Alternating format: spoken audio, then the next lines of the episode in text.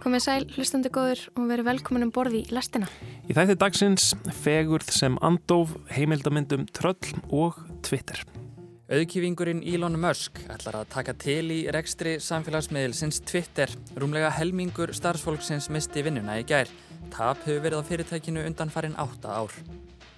Þetta er svo dýrt form og ég hugsaði bara einhvern tíman, ég er ekkert á því róli að gera kvikmynd fyrir alla sem sópaði sér öllum í bíó. Ég hef oft hugsað um hvernig tilfinning það var fyrir þýska fangaverðina í Stalag 8a að heyra þetta verk í fyrsta sinn. Hvernig leið þeim við að horfast í augu við myndan óvinnin skapa svona ódöðlega list til dýlvar drotni. Ég heiti Kristján Guðjónsson Ég heiti Lóa Björg Björnstóttir og þetta er lestinn mánudaginn 7. november.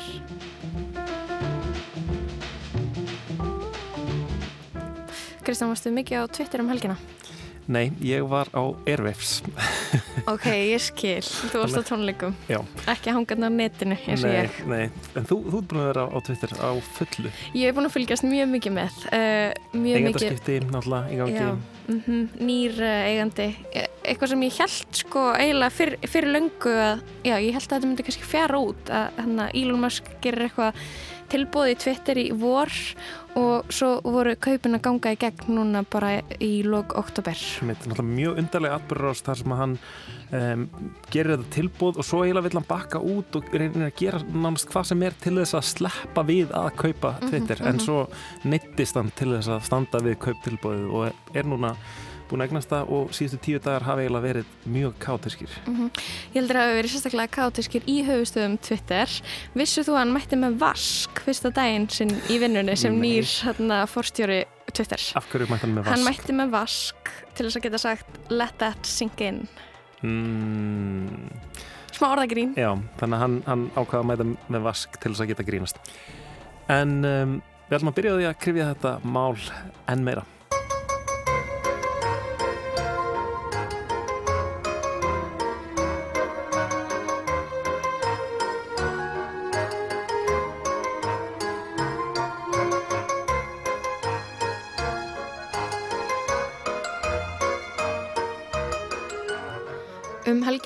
landsfundur sjálfstæðisflokksins haldin í lögatarsöll þar sem sjálfstæðismenn kusu meðal annars um formann flokksins. Eins og mörgum er kunnugt bauð Guðlur Þór Þórðarsson umhverfis orku og loftslagsráðara sér fram á móti Bjarnar Benediktsinni sitjandi formanni og tapaði. Í frambóðsræðu Bjarnar á lögadaginn myndist hann á samfélkinguna og sagðist vorkjana flokksmönnum. Það lítur að vera alveg umurleg reynsla að dvæljast alla daga í eins konar pólitískum bergmálshelli, rífast þar við eigið bergmál og ótast ekkert meira en að hafa skoðun sem geti orðið óvinnsel á Twitter. Þá er dagurum bara ónýtur, sagði Bjarni á lögadaginn. Bjarni Benditsson er ekki fyrstur til þess að kalla Twitter bergmálshelli eða gefa í skina þar sé bergmálshella að finna. Rétt eins og öðrum samfélagsmeilum er þetta að búa til sína eigin kúlu af fólki sem er manni sammála. Þú velur hverjum þú fylgir, algoritmi Twitter sýnir þess síðan efni sem þér geti líkað, eitthvað svipa því sem þú ert vöna að skoða og líka við.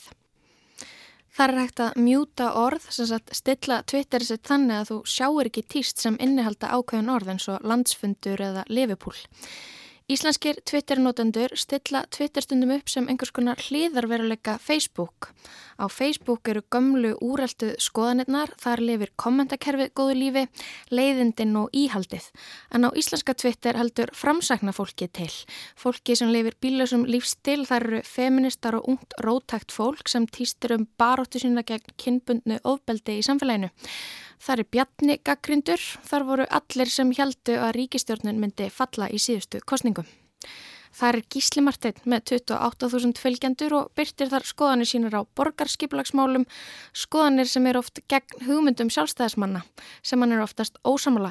Annars eru vinsalastu íslensku Twitter aðgangarnir samkvæmt statista.com, Björk og Sigurós, Jónsi í Sigurós, Aron Jóhansson, fókbaltamæður og Anni Mist, crossfit-stjarnar. Íslandingar sem eru frægir á alþjóðavettfangi. En þau eru ekki íslenska Twitter. Íslenska Twitter er hægt að flokka gróflega í nokkra hópa. þar sem ákveðin málefni eru vinsæl. Það er að tala um borgarskiplags-twitter, þar sem fólk talar um borgarlínuna, flugvöldin í Vasmirinni, blokkir og deiluskipulag. Baróttu fólk er virt á Twitter, þetta falaga með 13.000 fylgjendur og Twitter logar þegar MeToo mál komast í umræðina. Pólitikusar á Íslandi eru flestir farnir að nota Twitter, menn ég get ekki sé að þeir séu sérstaklega vinsalir þar, sínist Bjarni vera með stærri stjórnmála aðgöngum. Fótbolta áhuga menn eru stór hluti íslenska Twitter, en þar er fótbolti reddur og áhuga fólkum bolta íþróttir notar síðuna mikið til að fylgjast með umræðunum út í heimi og fá íþróttafrettir í beitni. Og svo verður að minnast á úlingatwitter en íslenskir úlingar nota meðilinn til að grínast og blokka um lífsitt. Á Twitter er Bjarni sjálfur staðfestur aðgangur með bláu tjekkmerki við hliði napsins og sína 9213 fylgjendur. Það er líka að finna nokkra gerfi aðganga, misgamla og misvirka þar sem óprútnir aðilar hafa stopnað aðgang í hans nafni og nota mynd af honum. Eitt með núlfylgjendur sem hefur ekkert týst nema einni mynd af útpissuðum gallabugsum á lögadaginn síðastliðin þann 5. november meðan að landsfundurinn stóði yfir og skrifað við myndina Pissaði á mig. Það er eflaust margt því sem Bjarni sagði á landsfundunum að það geti eigðilagt dag fólk sem skoðanir þeirra hljóta ekki hljómgrunn á Twitter. Twitter er orðinitna fáum stöðum þar sem að blokkið lifir enn ágætu lífi. Nótendur geta nátt til breyðis áhærenda hóps, skipst á skoðunum, sé hvað öðru fólki finnst um hitt og þetta og fylst með fréttum. Á Twitter eru 345 miljón nótendur. Í samanburði er 1,5 miljardur á Instagram, miljardur á TikTok og tæpir 3 miljardar á Facebook. Í lok oktober gengu kaup söður afríska auðkifingsins Elon Musk á Twitter formulega í gegn. Forritið með litla bláa föglinum var fallt fyrir aðeins 44 miljardar bandarækjadólara. Auðkýfingurinn Elon Musk ætlar að taka til í rekstri samfélagsmiðilsins Twitter. Rúmlega helmingur starfsfólksins misti vinnuna í gær. Tap hefur verið á fyrirtækinu undan farin 8 ár. Eftir land samninga þóf lög Musk kaupunum á Twitter í lók síðasta mánuðar. Kauperði var 44 miljardar bandarækjadala sem á gengi dagsins í dag eru tæpar 6.500 miljardar íslenskar króna. Skömmu eftir að kaupin voru frá gengin rækan fjóra hálfsetta starfsmenn og í germistu 3700 manns vinnuna. Fjölda starfsfólks Twitter hefur verið sagt upp, millistjórnundur fengið að fjúka. Hann segir uppsagnindar nöðsynlegar vegna bárar fjárastöðu fyrirtækisins. Fjöldi hefur höfðað mál gegn Twitter fyrir að grípa til ólaglæra uppsagna en Musk vil bara hafa duglegt fólki í vinnu sem skrifar kóða, býr til hluti og skera niður óþarfa. Og einhvers þar hefur komið fram að 75% starfsfólks verði sagt upp. Hann er bara sannur viðskiptamæður hvað hann svo sem að gera við fyrirtæki annað en að reyna að græða.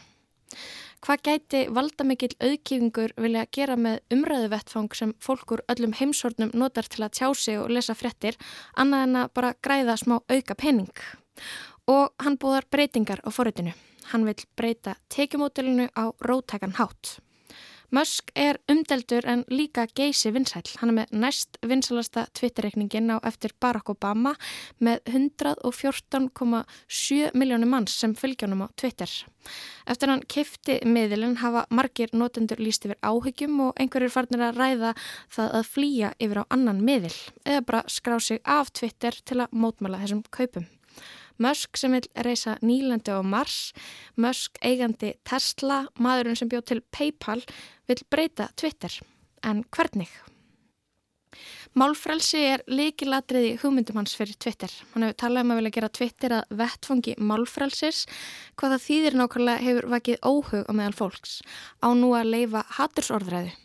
Á Twitter er einhvers konar samfélagsleg stefna, svo kallar community guidelines og ákveðnir hlutir eru teknir út að þeir brjóta á þessari samfélagslegu stefnu fyrirtækisins.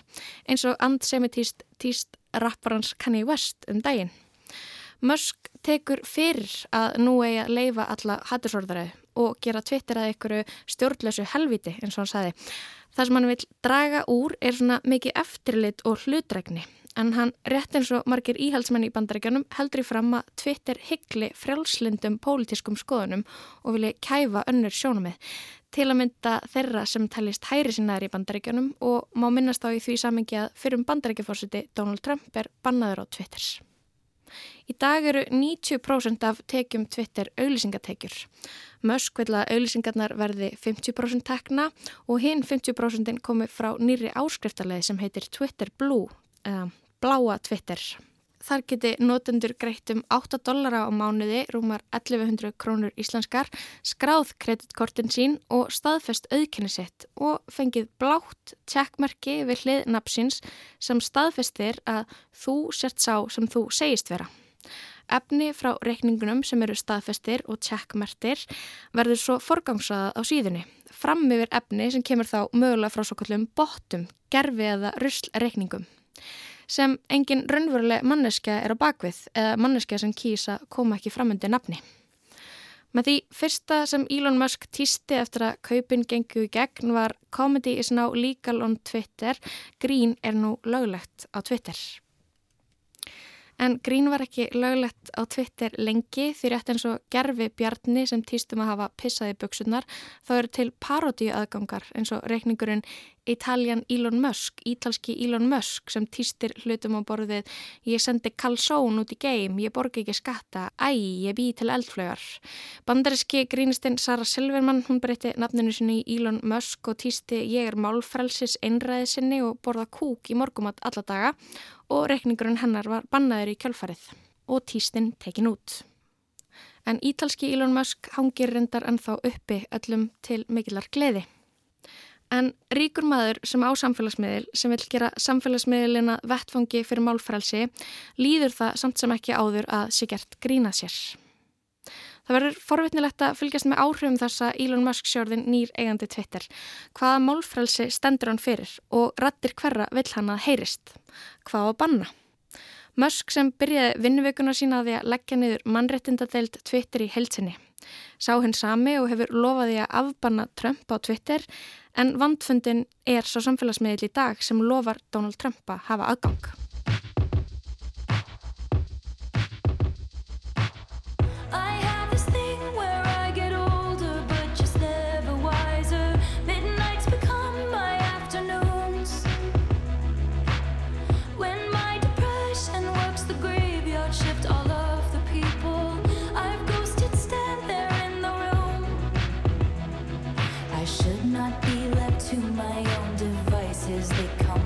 vices and vices. I end up in crisis. I wake up screaming from dreaming. One day I'll watch as you're leaving, cause you got tired of me.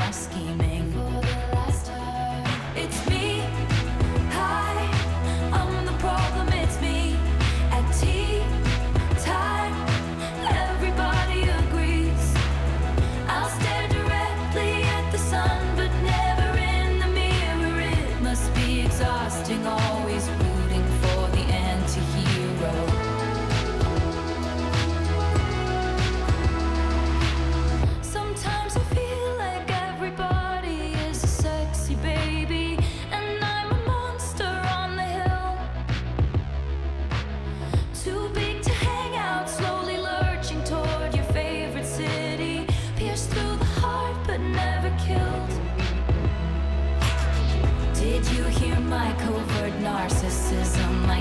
Guys, disguises all true.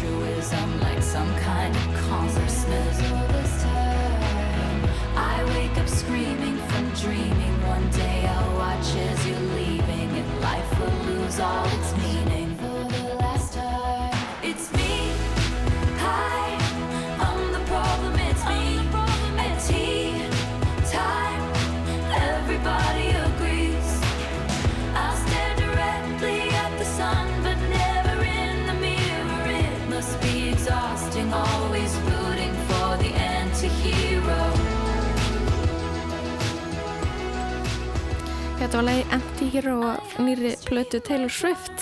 Sem er búið að fjalla um hérna í lestinni.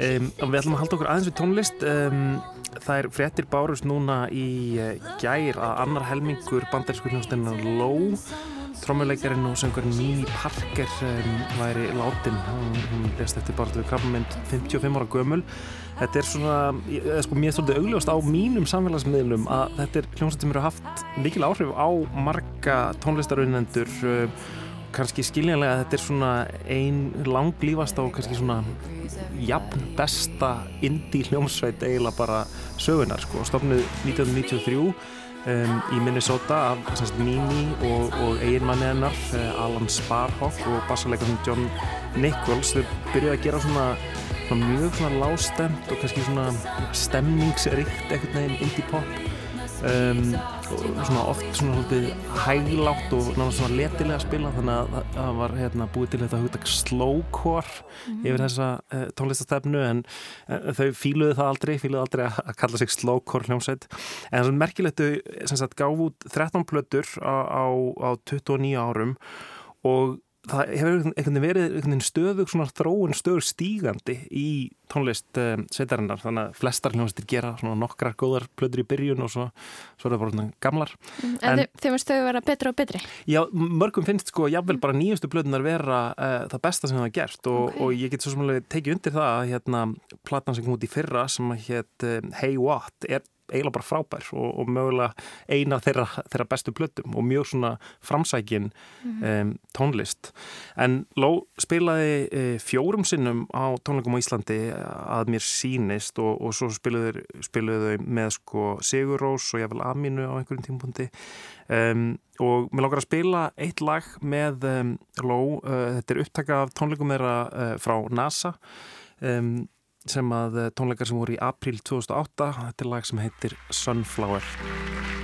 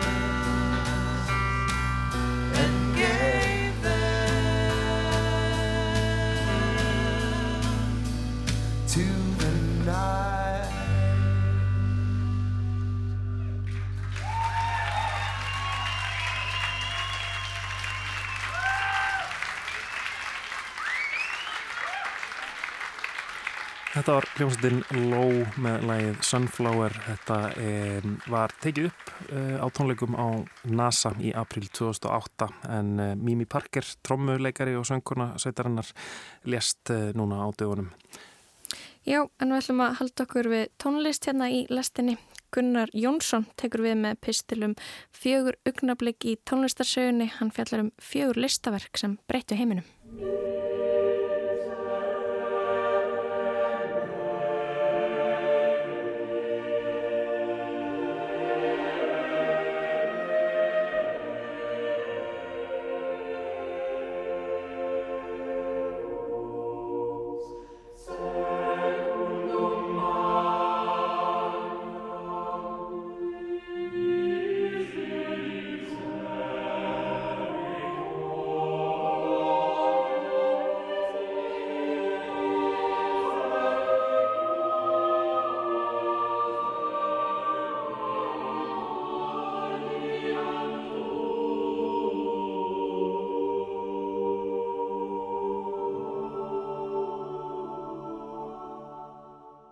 Einhver tíman í kringum 1638 samt í ítalska tónskáldið Gregorio Allegri það er mér þykir eitt fallegasta kórverk mannkynsögunar. Verkið sem ber heitið Miserere með Deus eða Miskuna þú mér drottin var upprunnulega samið til að vera flutt í messum sextínsku kapellunar í Vatikaninu. Mikið lengd ríkti yfir verkinu og blátt bann var við því að flytja það utan veggja Vatikansins. En eins og kemur skýrt fram í kvikmyndinni Jurassic Park frá 1993 þá finnur lífið sér ávalt leið. Hliðaverðir Vatikansins höfðu nefnilega ekki gert ráð fyrir einum gesti sem barað gardi 1770 og eins og ég og fleiri fjall killiflatur fyrir verkinu. Gesturinn hétt Wolfgang Amadeus Mozart og hann var 14 ára þegar hann heimsótt í Vatikanið með föður sínum og heyrði Miserere með Deus í miðugudagsmessu. Sagan segir að Mozart litli hafi farið samstundis upp á hótelherbyggi að messulokinni og skrifað verkið upp eftir minni. Hann snýri síðan aftur í sextínsku kapelluna á förstu deginum og gerði í kjölfarið smávægilegar breytingar á nótum sínum og síðan smiklaðan verkinu út fyrir veggi Vatikansins þar sem það dreifði úr sér og er í dag eitt mest flutta korverk sögunar. Eða svo segir sagan að minnstakosti. Ég fyrir mitt leiti hef aldrei viljað láta sannleikan koma í veg fyrir góða sögu og hlæg reglulega með sjálfu mér að hugmyndinni um að Wolfgang Amadeus Mozart sé hinn upprunalegi bútlegari. Fyrsti maðurinn sem dreifði efni ólöglega nokkur hundruð árum áður en kassetan var fundin upp.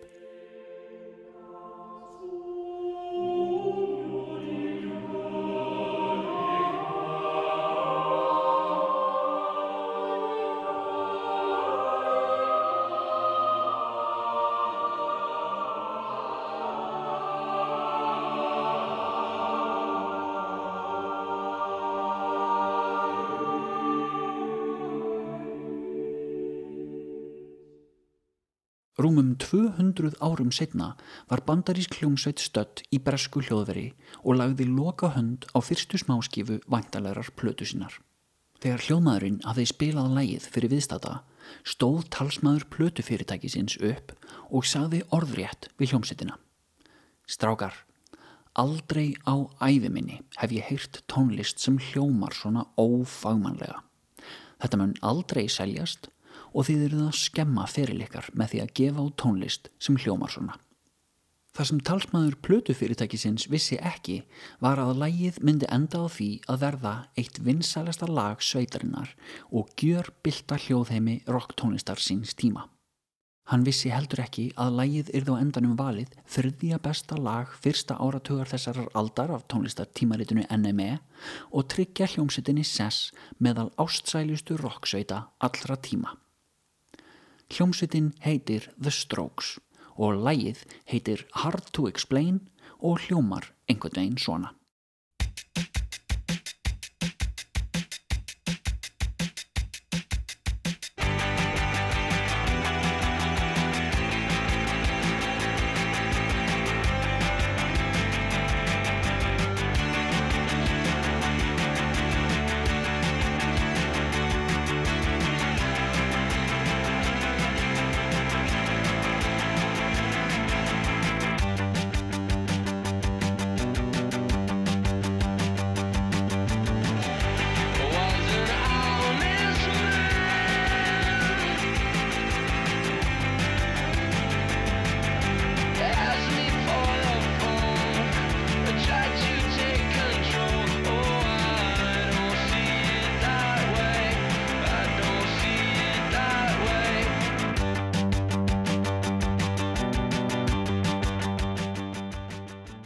Já, lífið finnur sér ávalt leið og það er alveg sama hvað mér eða einhverjum talsmanni plötufyrirtækis finnst um lægið Hard to Explain. Læginu tókst á 3 mínútum og 48 sekundum að gera út af við new metal stefnuna sem hafi ráðið ríkum fram að þeim tíma og selja svala leðurjakka í bílförmum í þokkabót. Skyndilega var rokkið orðið skítugt og hættulegt á ný og mögulega var þetta í síðasta skipti sem rokkið var raunverulega cool.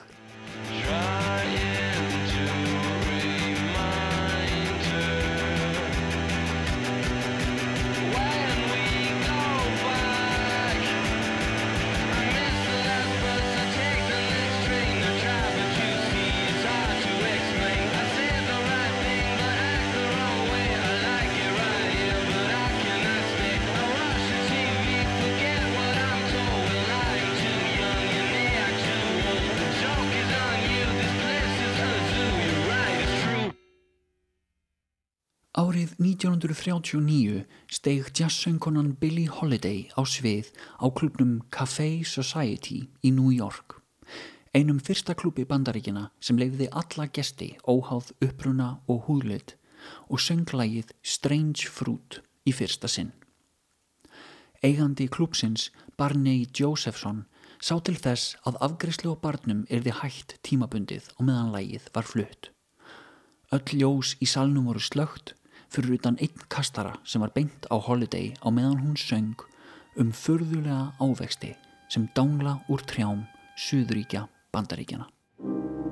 Southern trees bear strange fruit Blood on the leaves and blood at the root black bodies swinging in the southern breeze. Strange fruit hanging from the poplar trees.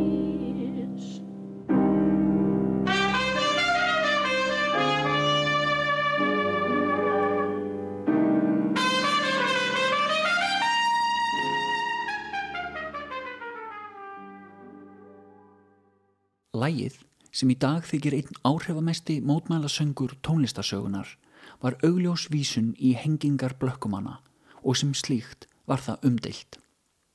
En Billie Holiday let engan bilbug á sér finna. Frá því að hún hóf flutning á læginu er hún sögð af að sungi það á hverjum einustu tónleikum sem hún kom fram á til dauða dags. Stundum þurfti Holiday að laumast inn um eldúsið bakdera megin til að flytja lægið á hvítum klúpum. Og stundum fóru hvítir tónleikagestirnir sem höfðu auðvitað valsað inn um aðaldirnar heim í fússi eftir áheyrn. Ósáttir við að þurfa umbera svona helberan dónaskap og ósmekla heitt. Neykslaðir á því að vera tímabundið neittir til að horfast í augu við hrylling lífs og dauða blökkumanna í söðrinu. Aðeins tveimur árum setna átti svipað rótækur tónlistaflutningur sér stað í Stalag 8a, fangabúðum nazista í setni heimsturöldinni. Einn fangana í búðunum hétt Olivier Messiaen og var tónskáld. Hann hafði verið kvattur í franska herin upp úr þrítugu vegna herskildu þess tíma en var hins vegar fljótt hansamaður af nazistum og fluttur í búðirnar við landamæri Póllands og Þískalands. Fyrir tilstilli tónelsks fangavarðar áskotnaðist fanganum blöð og penni til að semja tónverk sem hann kallaði kvartett fyrir endalokk tímans, fyrir piano, fiðlu og cello. Í dag er verkið tali vera eitt af áhrifamestu verkum Messiaen og er reglulega flutt í fallegustu tónlistarhúsum heimsins. En frumflutningurinn átti sér stað í hennu fábrotna umkörfi Stalag 8a. Fangarnir í búðunum lögðu í púk svo hægt var að kaupa cello fyrir verkið og þann 15. januar 1941 var það frumflutt fyrir um það byrj 400 fanga og fangaverði.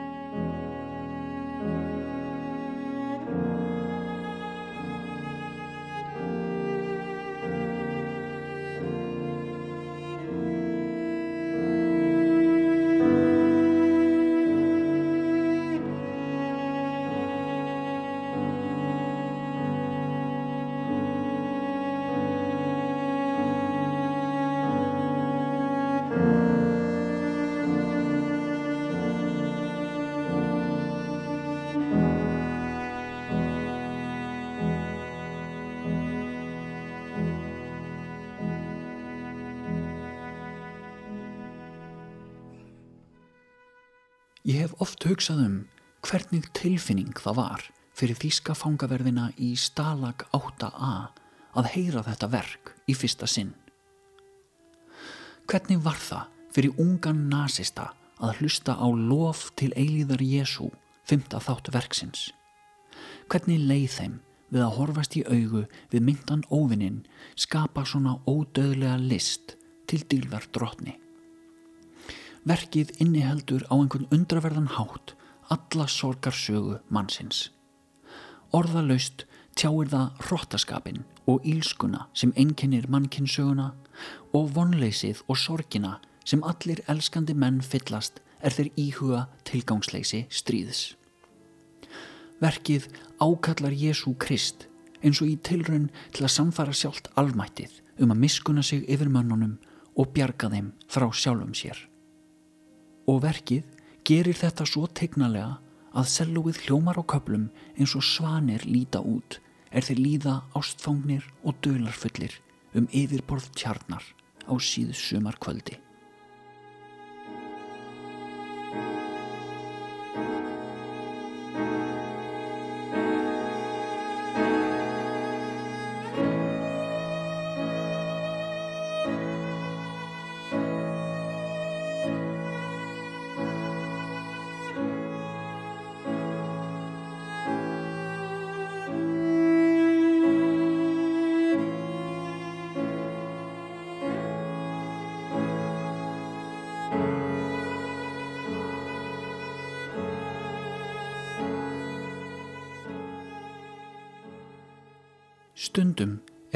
Fólkið í því að skapa eitthvað fallegt.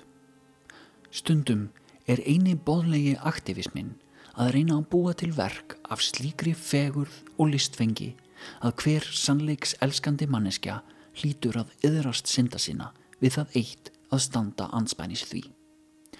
Við getum ekki alltaf breytt heiminum og kannski getum við það aldrei en við getum reynd að láta gaggrinni sem vindum eiru þjóta og rýsa ofar kvölurum okkar.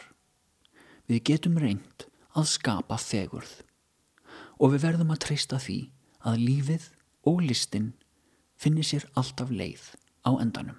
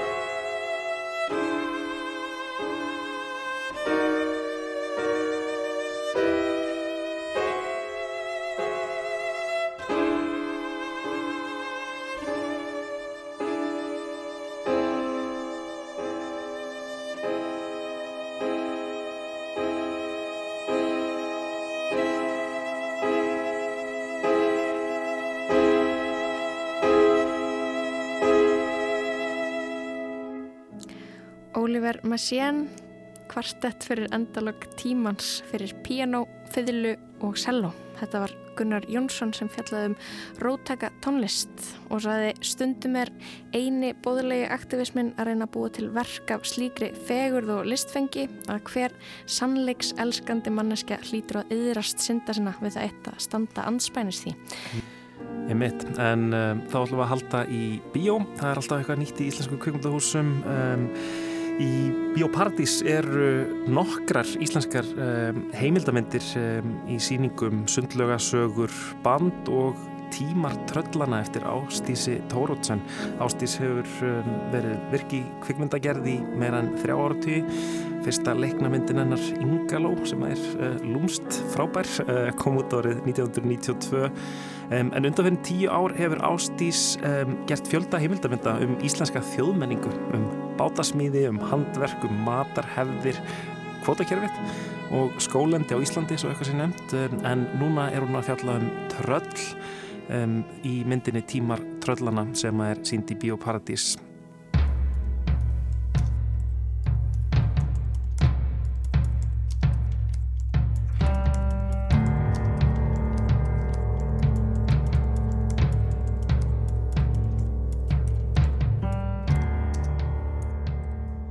Ástís Tóruðsen, leikstjóri. Myndið þín eh, Tímar tröllana var frumsýnd í Bíóparadís. Jú, á þriðu daginn var. Þriðu daginn var.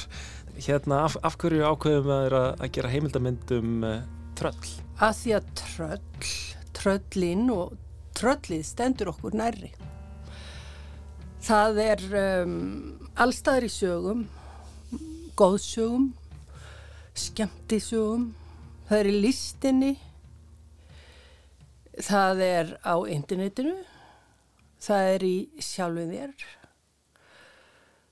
það þurfti bara aðeins að aðtúa þetta fyrir bæri hvað tröll er eða og fór þá fór ég þá leið að um, kynna mér sem sagt merkinguna sem var lögð í orði á hverjum tíma sem er mjög mísjöfn og játnvel enn í dag. Mm -hmm. Hvort sem að var uh, upphafi vega eða þar sem við höfðum jötnana eða á miðöldum þar sem að þetta var uh, banna með lögum, tröllskapur og tengdist oft kristin uh, sko, lögum kirkjunar eða þá uh, í Íslendingasjónum þar sem er meismunandi merkinglaðið í orðið og svo þekkjum við öll tröllin í fjöllunum, trönd, trönd og tröllin í fjöllunum og svo er það tröllið sem við þekkjum ekki mjög vel en það er býr innra með okkur. Mm -hmm. Og skessan sjálfa fennir það að segja að þú var þins vera steini í þjóðbrókargili lungu, lungu setna þegar að hún þóld ekki sólarljósið. Þegar þú gerir svona um, heimildamind um, já, sem byggir á svona efni og þú ert að, að, hérna, skoða það frá einsum hliðum hérna, leggur á stað með svona þú veist alveg hvað þú ert að fara að gera eða, eða er það bara einhvern veginn svona forvitnin sem drýðuð áfram Hvern, hvernig vinnum maður svona mynd? Já, hvort vekja hmm. vegna þess að já, jætnvel því eldri sem verð þá er meira gaman að vera í þessu sem að þið unga fólki kallið flæði það kemur til mín sko. Það bara ef maður hefur nógu opinn huga og leitar og þá sko þetta stekkur dálítið til mín en hins vegar þá þýðir það til þess að fá það þá þarf ég að grúska og grúska. Ég er mjög gamaldags grúskari og satt best að segja í þessu myndum sem ég hef verið að gera undan farin áratug sem byggist á íslenskri, í hvað heitir þetta, íslensku menningararfi, þá hef ég mjög mikið lært og það er svo skemmtilegt og líka í þessar mynd. Mm -hmm. Já, hérna þú ert búin að vera mjög svona, virk í þessu bara, já, undan fyrir tíu ár ég er þetta ekki bara nánast, ég mynd kannski ekki alveg á hverju ári, annarkvært ár kannski annarkvært ár nema þetta árið já. þá stökk ég til til að ná í jólin já. Ég bað um það sérstaklega sem sagt ef að þessi mynd, þetta efni fengi brautagengi að ég gæti farið strax á stað til þess að ná í veturinn, annars er því svo langt bil. Og um, já, ég hef komist þarna í músarhólu og sem er þetta, þessar myndir sem að enginn syndi um að gera. Svona um, um svona svona þjóð, þjóðleg efni og hérna, þjóðmenningu einhvern veginn. Já, ekki svo að kvikmyndagerða, kollegar mínir hafi verið neitt ekki forvitnir um þetta en það er oft þannig að þeir kannski tóku sér eitt fulltrúa fyrir eitthvað, fóru þannig persónlegri leið. Það sem ég hef gert í þessum myndum og það er að skapa yfirsýn, yfirlit, þannig að fólk geti séð betur uh, stóra samhengið og það hefur í rauninni ekki verið í tísku og allra síst hjá sjónvarstöðum. Hmm. Hins vegar þá uh, hefur Rúf, uh, ríkisútvarpi, keift þessar myndir af mér vegna þess að, já, það er njóta vinsælda, hef ég tekið eftir. Og sennilega því að, já, það hefur enginn gert þetta áður en í allum öðrum land, löndum hefur s- býst ég við Já. eitthvað svipa verið gert. Já, þetta er í rauninni, þann, þannig séð svona mjög hefðbundið form, þannig séð svona í, í alþjóðlega samhenginu. Þa, það, eru, það eru sérfræðingar sem sem að auðsa úr sínum viskubrunni einhvern veginn og, og, hérna, og, og, og, og þú sem heimildamund að gera maður náttúrulega þær bara reynir að ná einmitt þessari yfirsýn einhvern veginn. Það er svona nálgunin. Já, Já. Hún er óskup bara hefðbundin. Mér liggur við að segja að tímar tröllana síðan 19. aldar náttúrufræði greining á tröllum. Já. En hins vegar að þá er nú samt sem áður dáliti skemmtilegt við sumt af þessu, sumar þessara mynda, að það eru tengingarnar. Til dæmis, eins og í þessari mynd, að hún byrjar upphafi veraldar og endar í nútíma. Það er dálítið stort, Já. nýtt svið. Og svo er þetta líka, fjallar hún um mjög dapurlegar sögur, sorg, en líka er hún fyndin. Þannig að það er hægt að fara vítt yfir völl. Já, þú, þú, þú skoðar svolítið svona, einmitt, hvernig þetta hugtak er notað á, á, á mismunandi, mismunandi tímum, tröll, hérna, er þetta, er þetta, já, gagl, gaglegt hugtak til þess, að, til þess að skilja einhvern veginn, skilja okkur sjálf? Já, ég held að það sé gott að gera sér grein fyrir því hvar það er, hvað það er víða, trölli er víða að finna. Hins vegar, þótt að við teljum það, öll teljum við það að trölli vera það svoralegasta sem finnst hjá okkur, þá verður líka að hugsa til þess að um, þessi kraftur sem oft fer inn í ílskuna, hann getur líka, þessi kraftur sem er í okkur mannfólkinu, sem er því miður fer oft í eyðileggingu, en það, þessi frumkraftur getur líka orðið til góðs og sjá sköpunarkraftin. Það, mér finnst hann vera á sama toga. Ég get ekkert fullirt um það og þess vegna er, tala ég ekki beint um það nema kannski þar sem að rætt er við yngunni ástísar, hún bendir á hlutverki ötna í ettu kvæðum. En ég reyna að sína það kannski með því hvað margir, hvað tröllin koma víða við, list, við í listum. Já, hjá almenningi, frásagnarlist og hvað sem er og hvar sem er. Seinustu 50 árin hefur orðið mikil krútvæðing tröllana sem þýðir að þau er ekki lengur þessir ókvaldar sem þau voru áður og það má velta fyrir sér af hverju þetta er. Er það vegna þess að maðurinn á erfitt með að ímynda sér utan að koma til hættu? Finnst, hefur heimsmynd fólks breyst? Vill fólk ekki horfast í augu við trölli lengur? eins og þú sagðir þá, þá ertu búin að vera að, að gera uh, mikið heimildamöndum undanfærin ár um, ertu hérna er, er meira á döfinni myndu halda áfram þessum takti Já, já skildan býður mér það er ég er svo sem með handrítaleginni mynd í smíðum en ég verð bara að klára eitt áður en ég læta af þessu. Áður en ég fer úr yfirgef þessa hólu og það er tónlistin. Ég bara allt í enn uppgötaði það hefur ekki verið gerð. Kvikmynd um sögu tónlistar á Íslandi ég er, eins og er ekkert svo fyrsta vegna sem ég veit að það var byrjað á henni. Það er segja að byrja að skrifa handritið og hann Jál Sigursson sem að uh, var í samstarfi við Pál Heiting Stengrimsson hann skrifa handrit og var svo almennilegur að láta mig fá það til, að, til að lesa. En sko ég er bara rétt að byrja. En um, það er svo stort mm -hmm. verkefni að ég hristi það ekki úr erminu á einu ári sko. Nei, en leikin bíómynd, það, það er svo sem hérna, það hljóma mjög spennandi. Það eru, held ég komið hvað, 30 ár síðan, síðan þín, þín eina, eina leikna Nei, mynd. ég gerði tvær. Gerði þú tvær, ok. Já, draumatísir, hún, hún kolfjall okay. á Íslandi. Og fekk goða dóma í sjónvarpi í Þýskalandi og Fraklandi arti stöðinni en eh, já ég er að skrifa handrit eftir bók Hlínar Agnarstóttur Hilduleik og það er voðalega skemmtilegt að glíma aftur við það. Já. Það er mjög, mjög skemmtilegt og, og gaman að skrifa.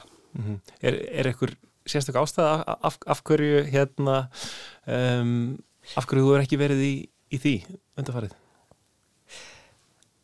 E, já, já. Margar ástæður kannski? Ég, ég kannski helst svo að ég er skrítin.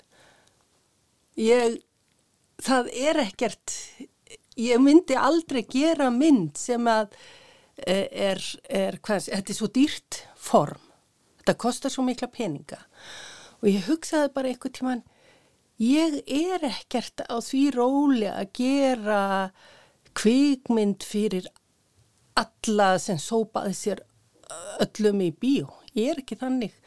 Ég vil heldur gera þá litlarmyndir sem kost ekki svo mikið að því að ég uh, það er líka bara hægt til þess að bú eitthvað til þá er bara hægt að hafa hvita pappirsörk eða leirklesu sko. Ég meina til þess að mhm. sinna þessum hluta af sér að búa til maður þarf ekki allar þessar miljónir en nú er það nú er það það sem fólki byður um. En ég er kannski bara að gera þá for the happy few. Herðu, Ástís uh, Torðsen uh, Tímar Tröllana er í Bíópartís, hún verður sínt uh, eitthvað áfram. Þessa viku og næstu. Já, þannig að um, ég, um að gera Já, stundum með ennskum teksta og stundum án teksta sem ég finnst mjög gott vegna þess að ennsku teksti á tjaldi ruggla mig þegar töluð er íslenska en eitt er með enskuna. Hún, svo, ó, hún er svo fátækt tungumál af orðum yfir tröll. Mm. Þannig að skessa, sko, ég meina, þeir, þeir geta ekki alveg farið í, í fínu, já, já, við skulum ekkit vera kvart yfir ennskunni trátt fyrir hún sé svona fátæk. já, hérna, þetta er tímar tröllana í Bíóparadís. Ástís Tóruðsson, takk hjá lega fyrir að koma í lestina og segja frá. Einn af aðkomumannum í verinu var og að vermanum öllum að kröftum hann bar. Meira en hryggjána maður yfir 300 pund hann var þunglindur fámál með staðfesta lund Jón Tröll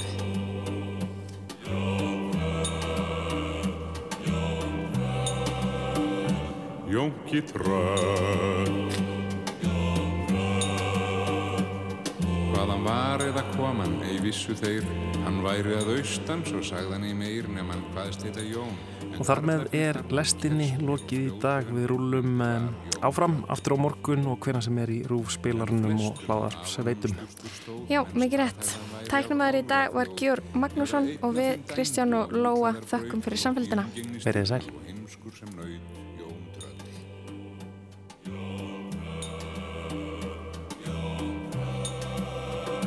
Jónki tröll.